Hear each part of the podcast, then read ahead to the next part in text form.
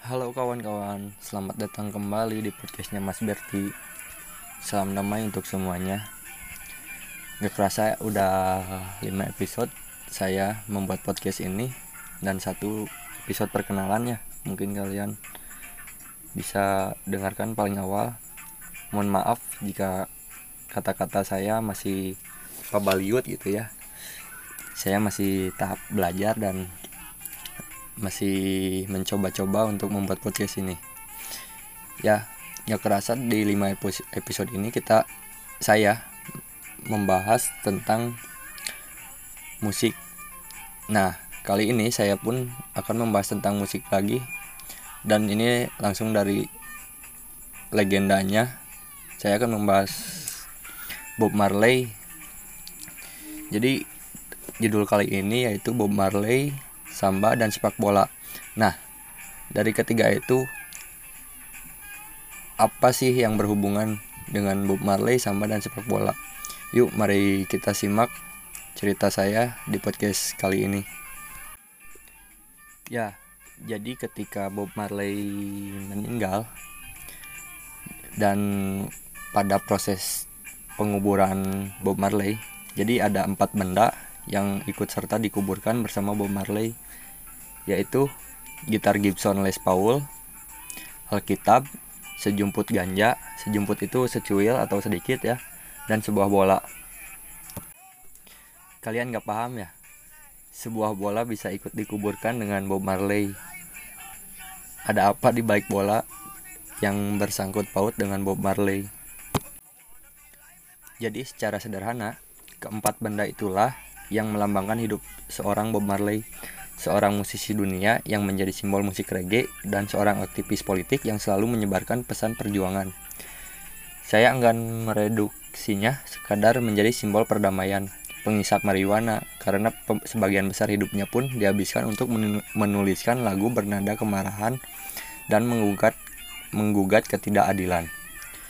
Gitar adalah medium bagi Marley menciptakan nada-nada yang mencerminkan pesan jiwanya.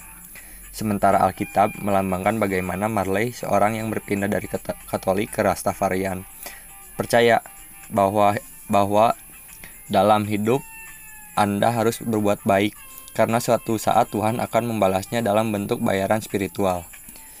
Sementara itu, sepak bola adalah bagian lain dalam dirinya diri Bob Marley yang tak pernah ia tinggalkan.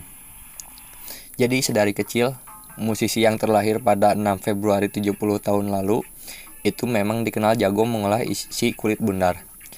Padahal ia hanya belajar bermain dari bola yang terbuat dari potongan kardus yang dimanfaatkan dan diikat dan dengan selotip bening. Sebagaimana pecinta bola pada umumnya yang tak pernah peduli dengan ruang atau medium seadanya untuk bermain bola, tapi seorang Marley tak pernah lepas dari bola. Ketika ia berkeliling dunia untuk melakukan tur, pelantur Redemption Song ini selalu mencari-cari celah agar ia dan grup musiknya Wailers bisa bermain setiap saat. Jadi bermain bola ya. Marley juga selalu membawa bola ke mana-mana. Ia kerap mendapatkan dorongan bermain baik dengan wartawan, sesama musisi, atau siapa pun yang ia temui di perjalanan. Ketika seorang wartawan ingin mewawancaranya, Ia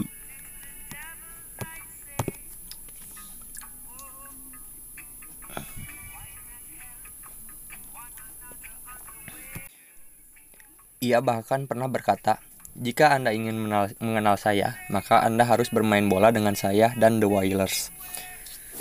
Itulah kata-kata Bob Marley kepada wartawan yang ingin mewawancarai dirinya. Tak heran jika pada berbagai foto yang mendokumentasikan perjalanan hidupnya kerap ditemukan sebuah bola. Entah itu sedang digunakan oleh Marley sebagai bantal, sedang digiring, atau dijagling dengan lututnya. Salah satu foto ikonik Marley adalah ketika ia sedang bermain bola di ruangan yang sempit dengan musisi legendaris lain, Jimi Hendrix. Marley memang tak pernah lepas dari bola, meski sampai ke lubang kuburnya. Sepak bola dan kemerdekaan. Di jalanan Kingston, Jamaika, bola dan musik menjadi bagian penting dalam diri Marley kecil, yang nyaris setiap waktu harus mengalami kesusahan. Jadi ini kata-kata Bob Marley ketika saya hidup di ghetto, di ghetto, perkampungan yang kumuh. Setiap hari saya harus melompati pagar dan menghindari kejaran polisi. Bukan selama seminggu, tapi tahunan. Ujar Marley pada Pipin Godman, penulis yang kini mengajar kelas Marley dan musik postkolonial di Universitas New York. Jamaika Pulau yang terkenal dengan keindahan alamnya itu memang tak selamanya menawarkan cerita manis. Marley tahu benar makna sebenarnya menjadi seorang penduduk Jamaika. Pulau yang semula digunakan sebagai pulau untuk membuang budak-budak paling liar dan tidak tak bisa diatur. Adalah fakta bahwa kami datang da dari Afrika sebagai budak. Itu benar-benar fakta. Uang dan kekuatan yang dimiliki orang-orang lain hanya akan membuat kami tak berada dalam perbudakan, kata Marley. Dengan tingkat kesadaran berpolitik seperti itulah Marley mendendangkan lagu dan mengajak orang-orang untuk membebaskan pikiran dan terutama diri dari mental per perbudakan. Selain mu melalui musik, sebagian kedamaian Marley diperoleh ketika ia bermain bola dan berhenti dari kejaran.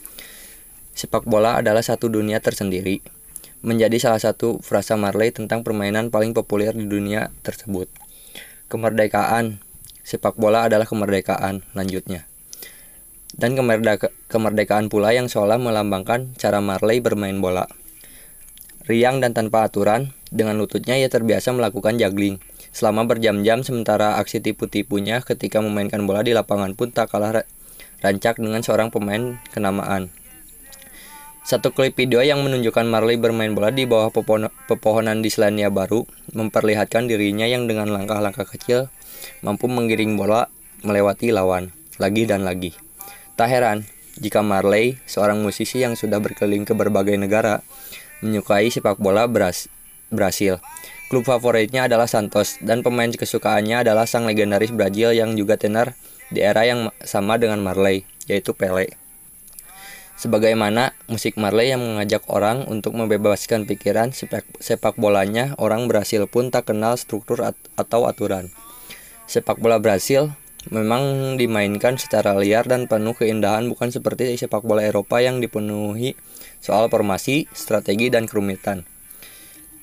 Seorang Brasil akan memainkan sepak bola dengan membayangkannya dengan tarian. Ujal Gilberto Freire, seorang ilmuwan sosial asal Brazil, hanya di, di Brasil jugalah sepak bola dikenal dengan sebutan jogo bonito atau permainan yang indah. Bagi Brazil, sepak bola juga memiliki sejarah panjang sebagai alat perlawanan masyarakat kelas bawah terhadap segregasi dan perbudakan.